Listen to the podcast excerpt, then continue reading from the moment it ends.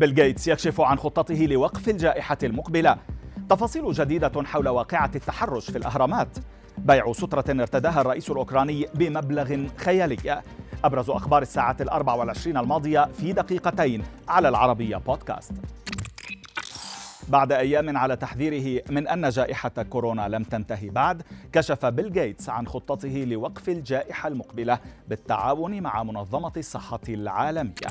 مؤسس مايكروسوفت أعلن في تصريح لشبكة سي أن أن الأمريكية إطلاق ما يسمى ب GERM وهو اختصار للمجموعة العالمية للاستجابة والاستنفار للحالات التي تديرها منظمة الصحة العالمية وبتكلفة سنوية قدرها مليار دولار مشيرا إلى أن خطته تعد استثمارا صغيرا مقارنة بأرقام لميزانيات الدفاع أو تغير المناخ. أوضح أن مشروعه يضم أشخاصا يتدربون بشكل متكرر وبدوام كامل. يواصل إيلون ماسك إثارة الجدل على تويتر. هذه المرة بتغريدة قال فيها إذا مت في ظروف غامضة فإنه من الجيد معرفتكم جميعا.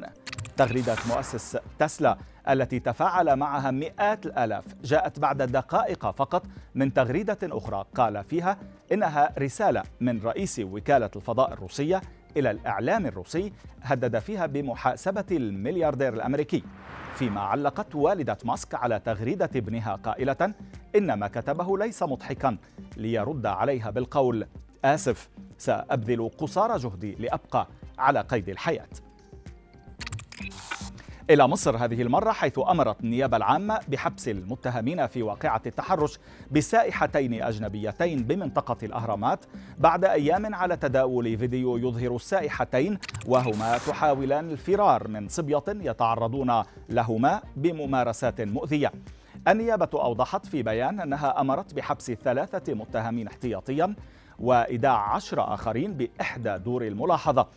تتراوح أعمارهم بين 13 عاما و15 عاما. وذلك على ذمة التحقيق معهم بما نسب إليهم من اتهامات. وفيما أكد اثنان منهم ظهورهما في الفيديو بقصد التقاط صور صورة مع الفتاتين أنكر الآخرون الاتهامات الموجهة ضدهم. أعادت ملابس الرئيس الأوكراني فولودومير زيلينسكي لتتصدر حديث مواقع التواصل بعد بيع سترة صوفية ارتداها زيلينسكي ووقع عليها مقابل 111 ألف دولار خلال حفل لجمع التبرعات لبلاده في بريطانيا.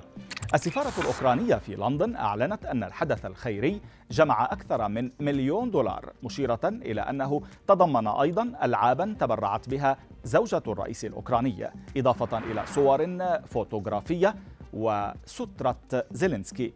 وأوضحت السفارة أن معظم الأموال ستخصص للمركز الطبي التخصصي للأطفال غرب أوكرانيا. وفي خبرنا الأخير عاش سكان مدينة هوشان الصينية ليلة السبت الماضي لحظات مرعبة بسبب حدوث ظاهرة نادرة تمثلت بتحول السماء بشكل مفاجئ إلى اللون الأحمر القاتم. مكتب الأرصاد الجوية المحلي أوضح في بيان أن السماء الحمراء نتجت عن انكسار الضوء وتناثره على الأرجح من أضواء السفن في الميناء. فيما أصبحت فيديوهات الظاهرة شائعة جدا على ال social media حتى إنها جذبت أكثر من 150 مليون مشاهدة.